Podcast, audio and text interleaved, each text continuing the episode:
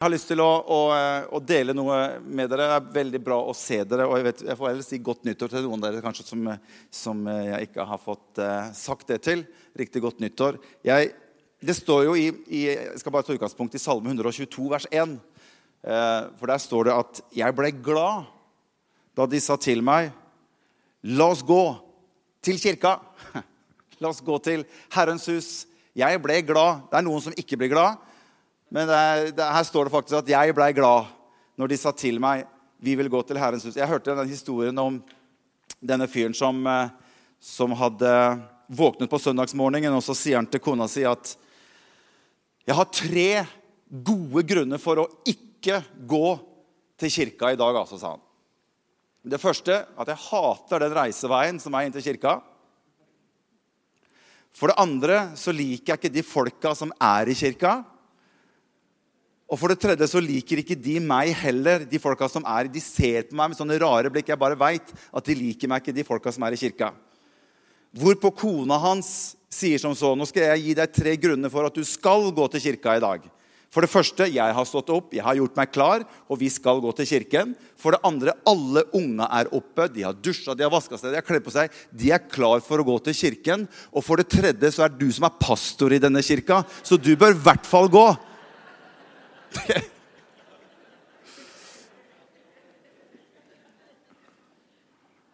eh, nå, er det, nå, er et, eh, nå, er ikke det, et, problem som jeg har, sånn at jeg absolutt ikke vil gå til kirka på morgenen. Men jeg er lidenskapelig opptatt av å være med å bygge kirke og bygge Guds rike. Og, eh, men, men jeg, dessverre så, så, er noen ganger det med å bygge kirke det er, det er utfordrende. Og jeg jeg snakker med kollegaer som, som, sier til meg at jeg er for å si det rett ut, jeg er fed up av kirke. Jeg orker ikke mer kirke. Det er så mye utfordringer, det er så mye vanskeligheter osv. Så, videre, og så, videre. så det er ikke alle. Jeg tror dere skal være glad for at dere har en pastor som er lidenskapelig interessert i å være med og bygge kirke sammen med dere. Det er eh, for det det er ikke alle som er det. Og så sier jeg til noen av disse kollegene men vet du at livet noen ganger er jo utfordrende.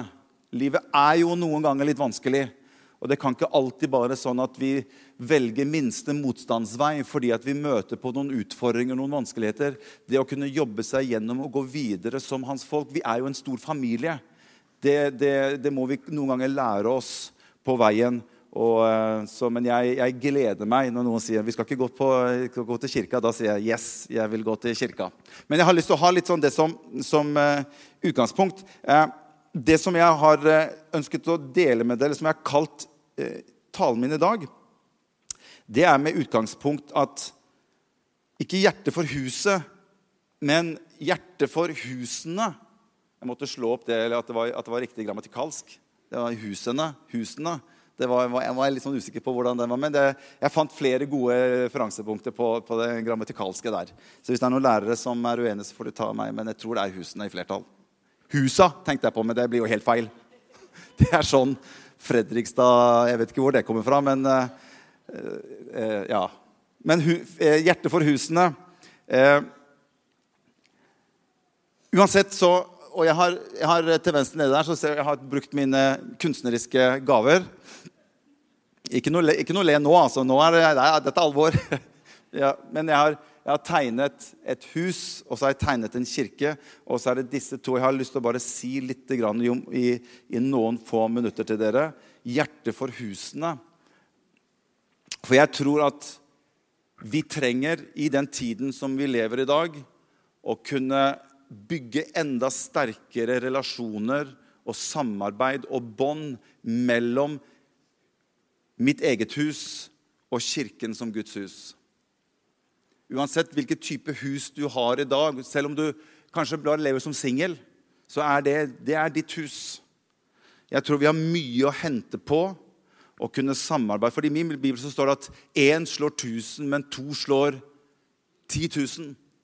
Jeg tror det fins noe her imellom det å ha noe bra mellom hjemmet og kirken som gjør at istedenfor at dette blir en konfliktsone, så blir det en velsignet sone hvor vi kan få lov til å stå sammen i den tiden vi lever. Nettopp for å stå sterke sammen istedenfor at disse to tingene kommer, en blir en slags form for fiender av hverandre. For det tror jeg ikke Gud har tenkt. Jeg tror Gud har tenkt at hjemmet og menigheten eller kirken, som er noe som Gud har innstiftet, det er noe som skal kunne få lov til å stå og backe hverandre og støtte hverandre i hver sin tjeneste. Og begge deler er utfordrende. Og i hvert fall i den tiden vi lever i dag, så er det utfordrende. fordi at samfunnet går alltid mot en vei hvor den ønsker å isolere individet. Og den ønsker alltid å prøve å splitte opp og ødelegge det som Gud har innstiftet. Det er Noen ønsker alltid å komme inn og pulverisere alt som kan ligne noe av Guds skaperverk og det Gud har forordnet for oss. Det ønsker den onde alltid å ødelegge, stjele og myrde. Men Gud har kommet for å gi liv og overflod av liv. Og jeg tror at i den korrelasjonen mellom hjem og menighet så finnes det så mye, mye mer som vi kan stå sammen i. I å være med og støtte hverandre i det livet vi lever. Helt fra man er liten og til man vokser opp. Og vi, vi, har noe som vi kaller for livslang etterfølgelse etter Jesus. Og jeg vet, og Vi har snakket mye om dette med, i, i barnearbeidet med Wanda Thor. og hele gjengen, at vi ønsker å være med å styrke den kommunikasjonen mellom hjem og kirke. Slik at disse to kan få lov til å arbeide sammen istedenfor at det blir en stor avstand, og så blir det hverandres på en måte litt sånn tidsfiender, eller det blir konflikter mellom, men at vi kan få lov til å stå sammen og vi kan oppleve at det fins en styrke og velsignelse i dette. Er ikke det bra? Jeg vet ikke hvilken bakgrunn du har fra ditt hjem. Det kan godt hende at du kommer fra et vanskelig hjem, et bråkete hjem, et ødelagt hjem. Så når du hører ordet hus eller hjem, så er det ikke positive tanker, det er ikke positive erfaringer som dukker opp i ditt sinn og i dine tanker. Men fullt ut så har Gud en plan for det han ønsker, skal være et hus og et hjem som overgår våre erfaringer i våre liv. Og han er den som ønsker å være med og hjelpe oss, slik at det som han har forordnet, skal få lov til å bli en velsignelse og ikke en forbannelse i de livene vi lever. Så selv om du kommer fra bakgrunner som er vanskelig og utfordrende, så har jeg en hilsen til deg. Det er at Gud ønsker å være med deg og meg på denne reisen og skape og gjøre noe i våre liv, slik at det kan få lov til å bli til en velsignelse og liv i overflod i det å kunne stå sammen med Gud i de livene vi lever. Det har jeg veldig, veldig stor tro på. Jeg tror at, Gud, nei, jeg tror at Guds hus det er noe som er kraftig. Guds hus er noe som er sterkt. Guds hus er noe som Gud har innstiftet her nede på jorden. Og han har tenkt at Guds hus skal være som en borg.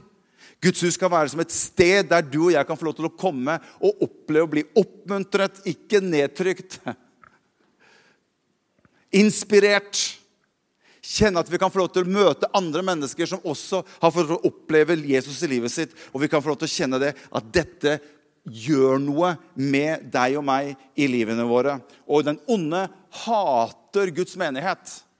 Den onde hater Guds forsamling. I Matteus kapittel 16 vers 18 så står det Jeg vil bygge min kirke, sa Jesus, og dødsrikets porter skal ikke ha noe makt over den. Så alt som kan lukte av kirke, har den onde en agenda på å kunne greie å løse opp og pulverisere. Derfor er jeg så nitkjær rundt dette som har med kirke. For jeg ser så mye potensial, og jeg ser noe som Gud har forordnet inn i livene våre, der hvor du og jeg er sammen. Derfor har jeg skrevet her at disse to husene trenger å stå sammen i den tiden vi lever. Se hverandres styrker og svakheter. Skjønne hverandres oppgave og ansvar.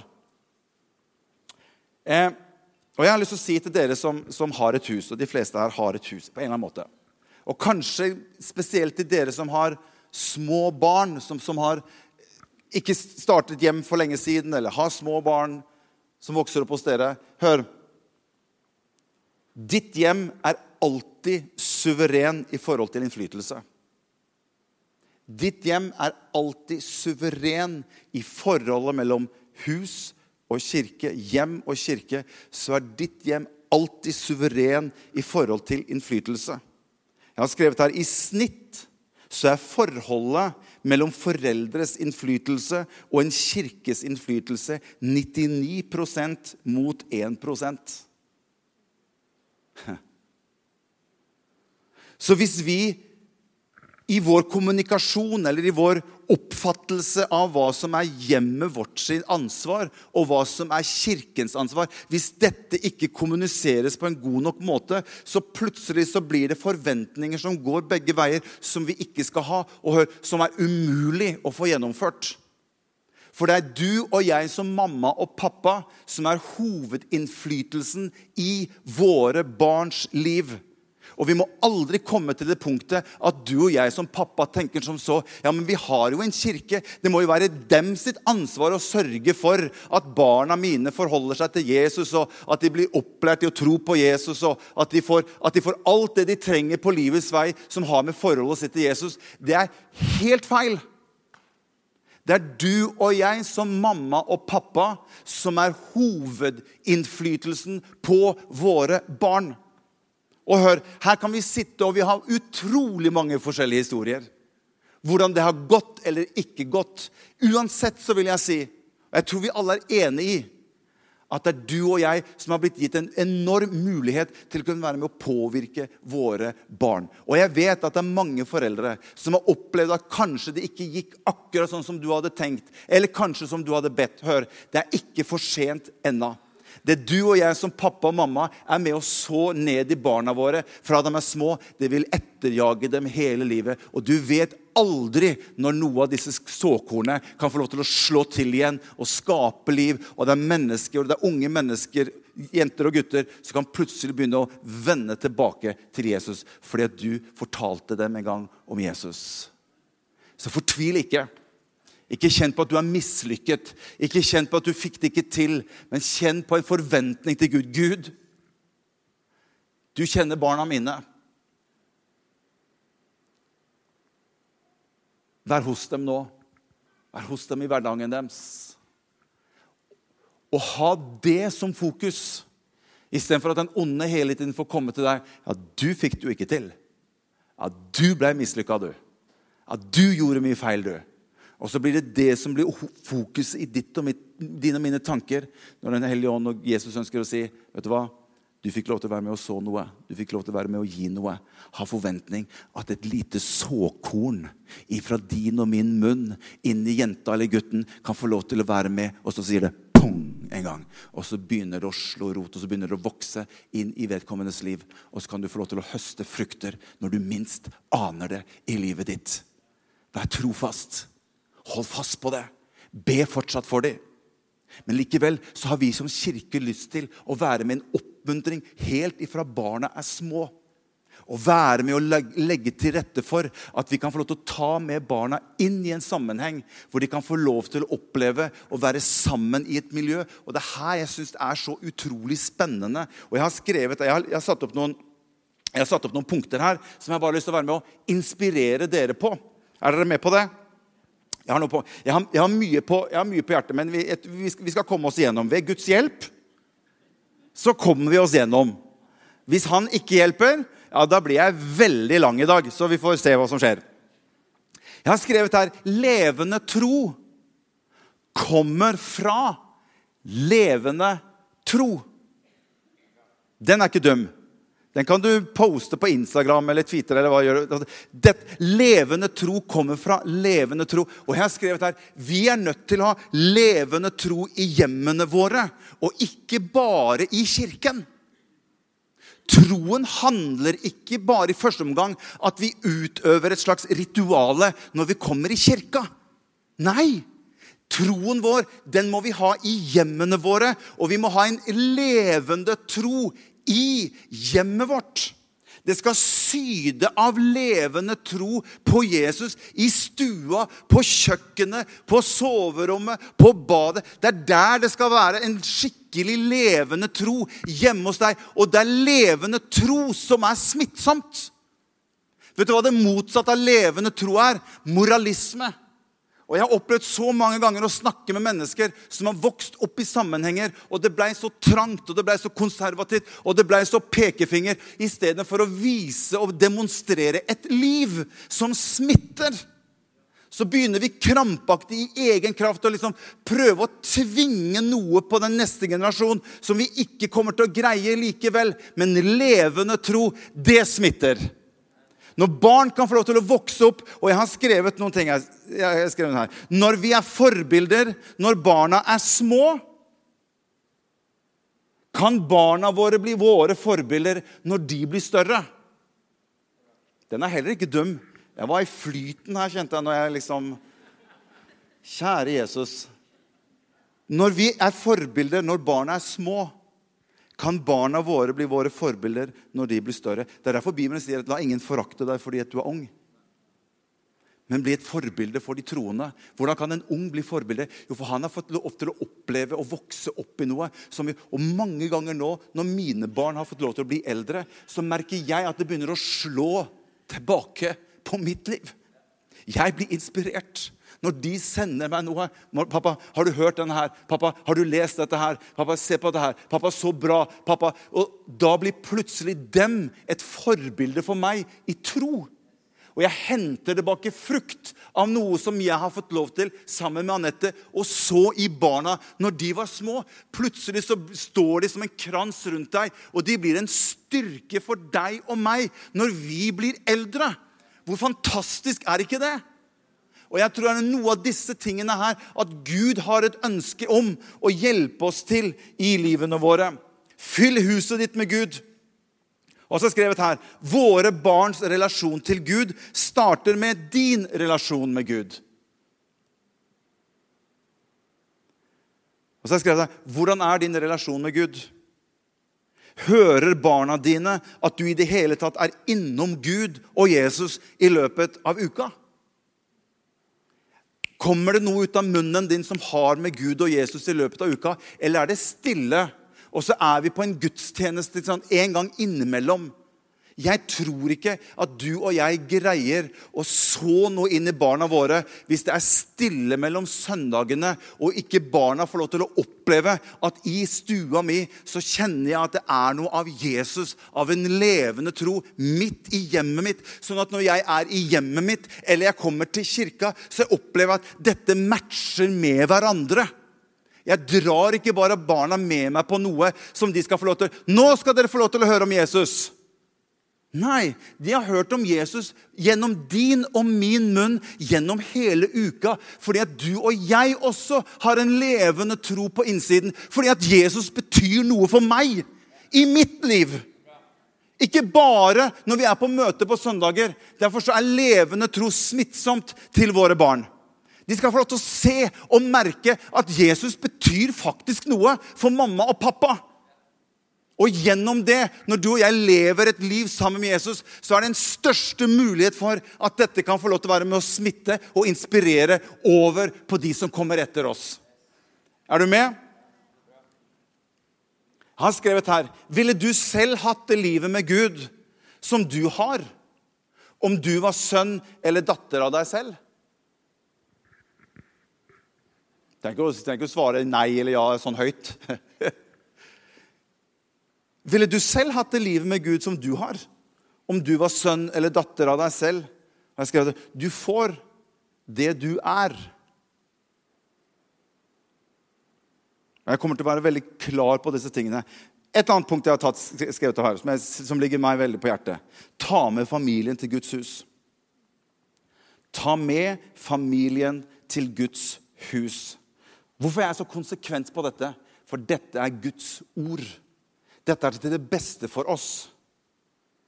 Jeg har bare skrevet opp noen punkter hvorfor jeg tror det er viktig at vi kommer sammen i Guds hus pga. hva Guds ord sier.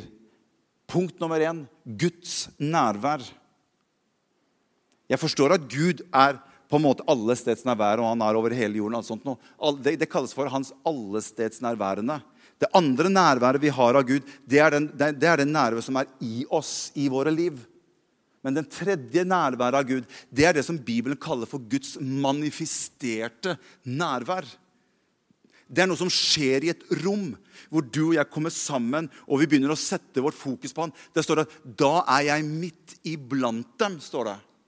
Og det er noe av dette nærværet som jeg tror Gud har en forordning Og han har løftet knyttet til kirken. At når vi kommer sammen som hans folk, så er det noe sterkt, noe som kommer ovenfra og ned, som manifesteres med sitt nærvær mellom oss og iblant oss når vi kommer sammen. Og det er veldig sterke løfter knyttet til disse tingene. Og hør, i dette så har jeg lyst til å ta med meg min familie. For jeg vil at de skal komme inn under den innflytelsen av Den hellige ånds nærvær når de kommer på gudstjeneste. Og Jeg tror det er en nøkkel i det å komme sammen og oppleve Guds nærvær. Se hva som står i 2. Mosebok kapittel 25. Jeg skal forte meg litt. 2. Mosebok kapittel 25 vers 8. Når, når Israel kommer ut av Egypt, så sier Gud til Moses Når dere kommer ut av Egypt, sier la dem reise en helligdom for meg for jeg vil bo midt iblant mitt folk. Det er Guds intensjon. Han ønsket å bo og dvele midt iblant sitt folk. Han ønsket det. Og så står det i vers 22.: Der vil jeg møte deg.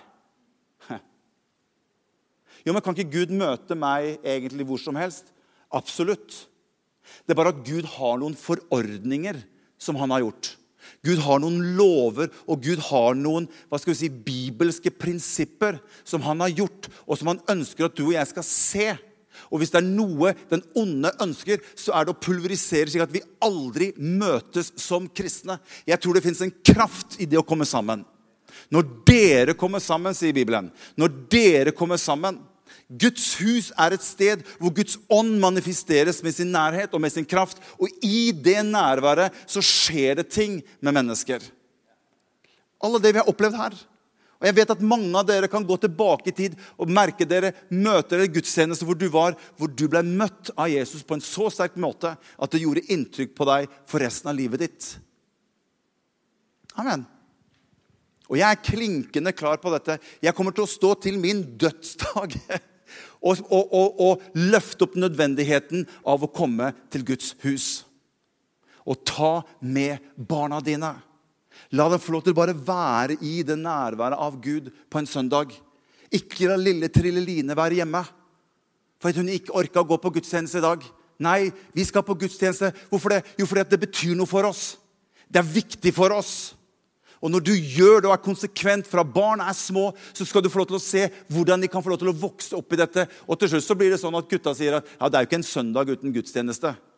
Da er de hjernevaska totalt, altså. Men det er noe her. Og jeg tror jeg, jeg, jeg, jeg vil at dere tar det jeg sier, seriøst, for det er noen nøkler her. Matteus 18, 20. For hvor to eller tre er samlet i mitt navn, der er jeg midt iblant dem. Jeg må gå videre. Men ta med unga. Ta med unga. Og jeg vil si en ting, altså.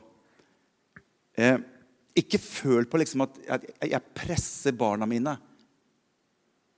Du presser ikke en gutt og jente som er seks-syv år. Det er mamma og pappa som bestemmer.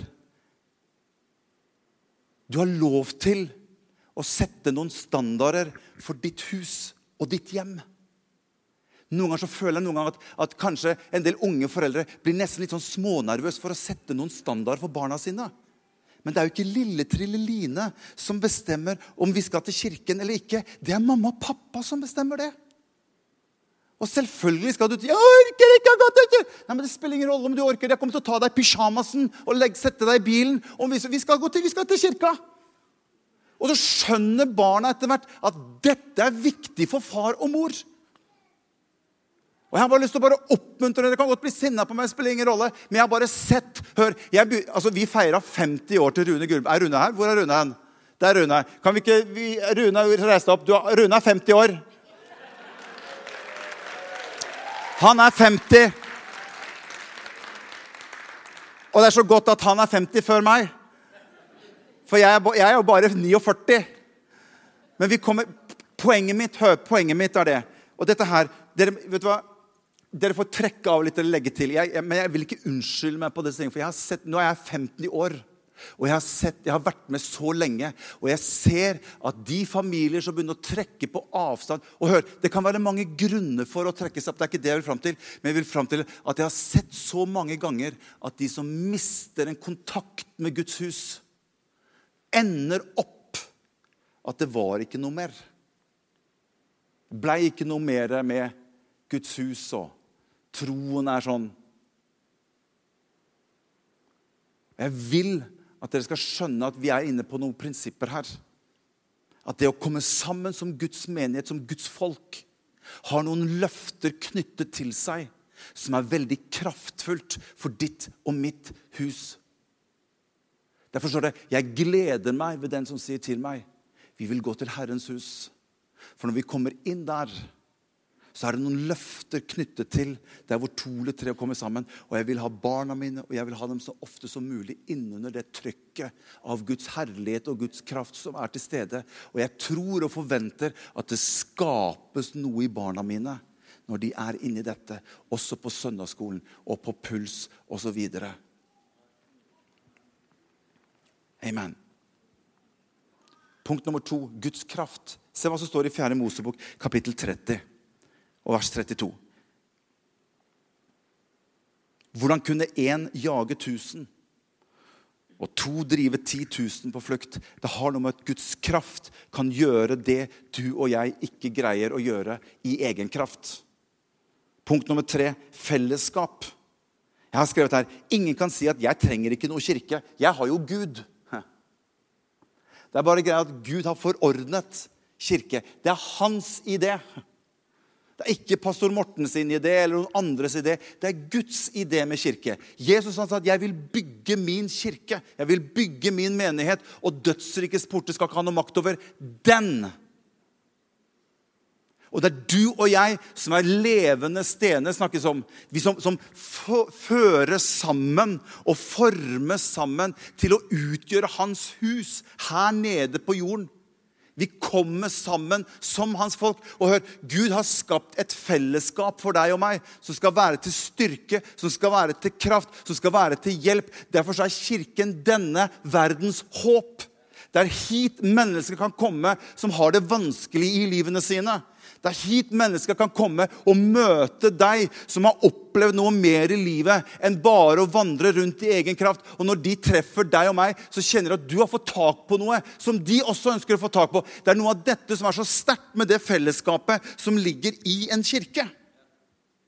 Og det er dette du og jeg er representanter for i livene våre.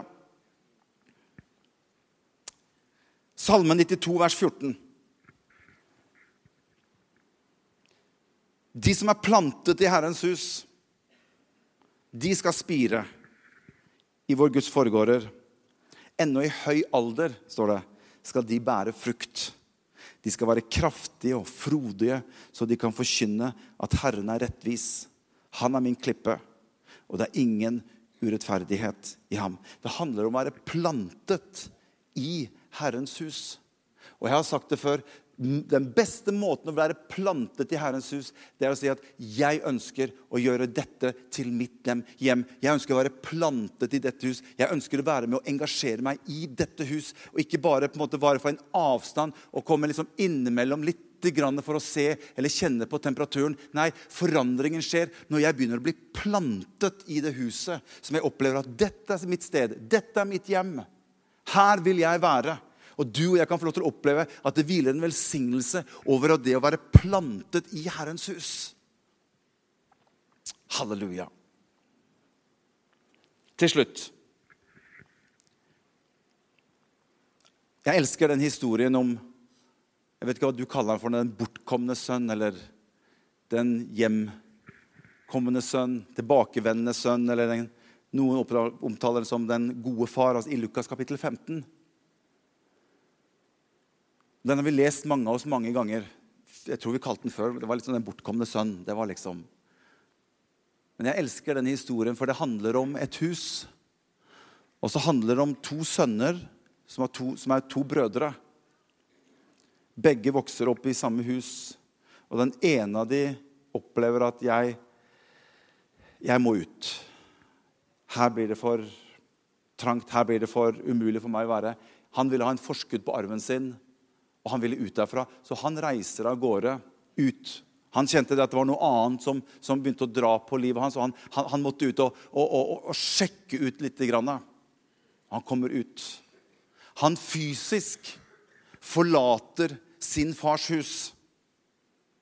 Og når jeg, jeg, satt og leste dette i gang, så når jeg leser den historien om disse to brødrene som er i samme hus så Når jeg kommer til den neste broren, som fortsatt var værende Når jeg leser på en måte han, så tenker jeg at selv om du ikke har forlatt huset fysisk, så lurer jeg på om kanskje du har forlatt noe av huset inni deg.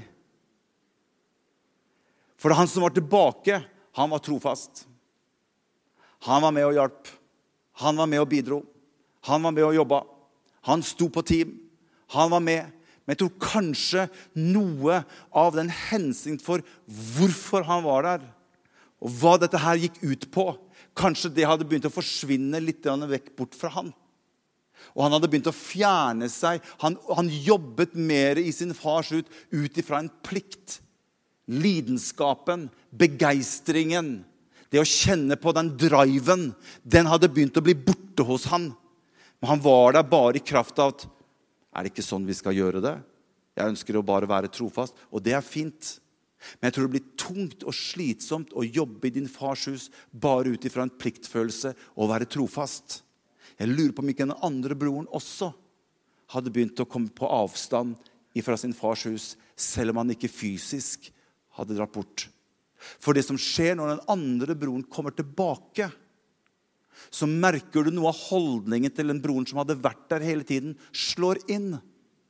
Han hadde begynt å sette noen motiver til, til, til rådighet for seg selv. Og når den andre broren kommer tilbake og får den oppmerksomheten han får, så er det noe som skjer i hjertet hjertet til den broren som hadde vært der hele tiden. Misunnelse begynte plutselig å komme inn. Han var litt uenig om prioriteringen etter faren sin. Hvorfor skulle han, som ikke har vært sånn som meg, hvorfor skulle han få noe mer oppmerksomhet enn det jeg hvorfor setter vi så, så begynte motivene hans å bli annerledes. Istedenfor at hadde han hatt lidenskapen, begeistringen, hadde hatt den passion fortsatt i livet sitt, som jeg tror du og jeg skal ha i vårt fars hus, så hadde han kjent på en glede når broren kom tilbake. Han hadde ønsket han hjertelig komme. Kanskje han hadde vært sammen med faren sin og kastet seg rundt halsen på den broren som endelig kom tilbake og fikk lov til å være og dele fellesskap med ham. Han hadde også forlatt noe i sitt hjerte. Og hør, Det går an å være i kirke og i Guds hus og ha noe som har forlatt deg på innsiden, og det er nesten så ikke du merker det lenger. Du går bare på autopilot. Og hør, jeg har en hilsen til deg fra Herren. Herren ønsker å nå ditt hjerte på nytt igjen.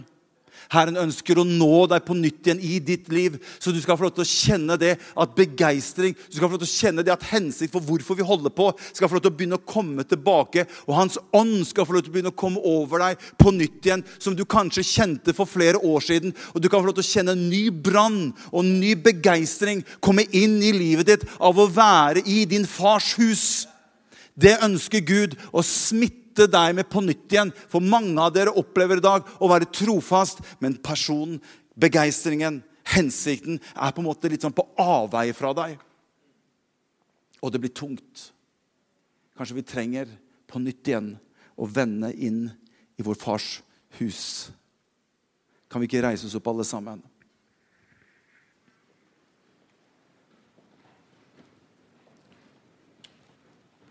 Halleluja.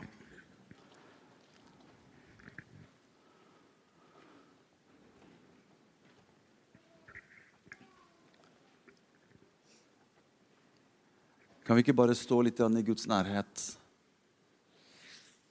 Og Jeg kjenner for min egen del Jeg kan godt være han ene broren som liksom alltid har vært der. Og jeg tenkte Vi var på i 50-årslag til Rune i går kveld, og mange flotte taler til Rune. og Alltid vært i kirka, alltid stått på, alltid jobba. Men jeg tror vi alle sammen skal noen ganger sette temperaturen litt på oss selv. Hvordan er det med hjertet mitt oppi det jeg holder på med? Hvordan er min ånd oppi det med å jobbe for Gud i Hans hus? At noen ganger så kanskje vi trenger å rekonnekte hjertene våre inn i det som har med vår fars hus å gjøre. Kanskje vi også trenger å vende tilbake til vår fars hus og si, 'Herre, alt mitt er jo ditt.' Jeg er jo her på grunn av at du har gitt ditt liv for meg. Hjelp meg til å ha fokus på det som er sannhet. At ikke jeg trøtner på innsiden og bare arbeider i egen kraft. At du skal få lov til å kjenne det at det er en glede i å være med og tjene i din fars hus. Og det smitter over på våre hjem og våre familier. Halleluja.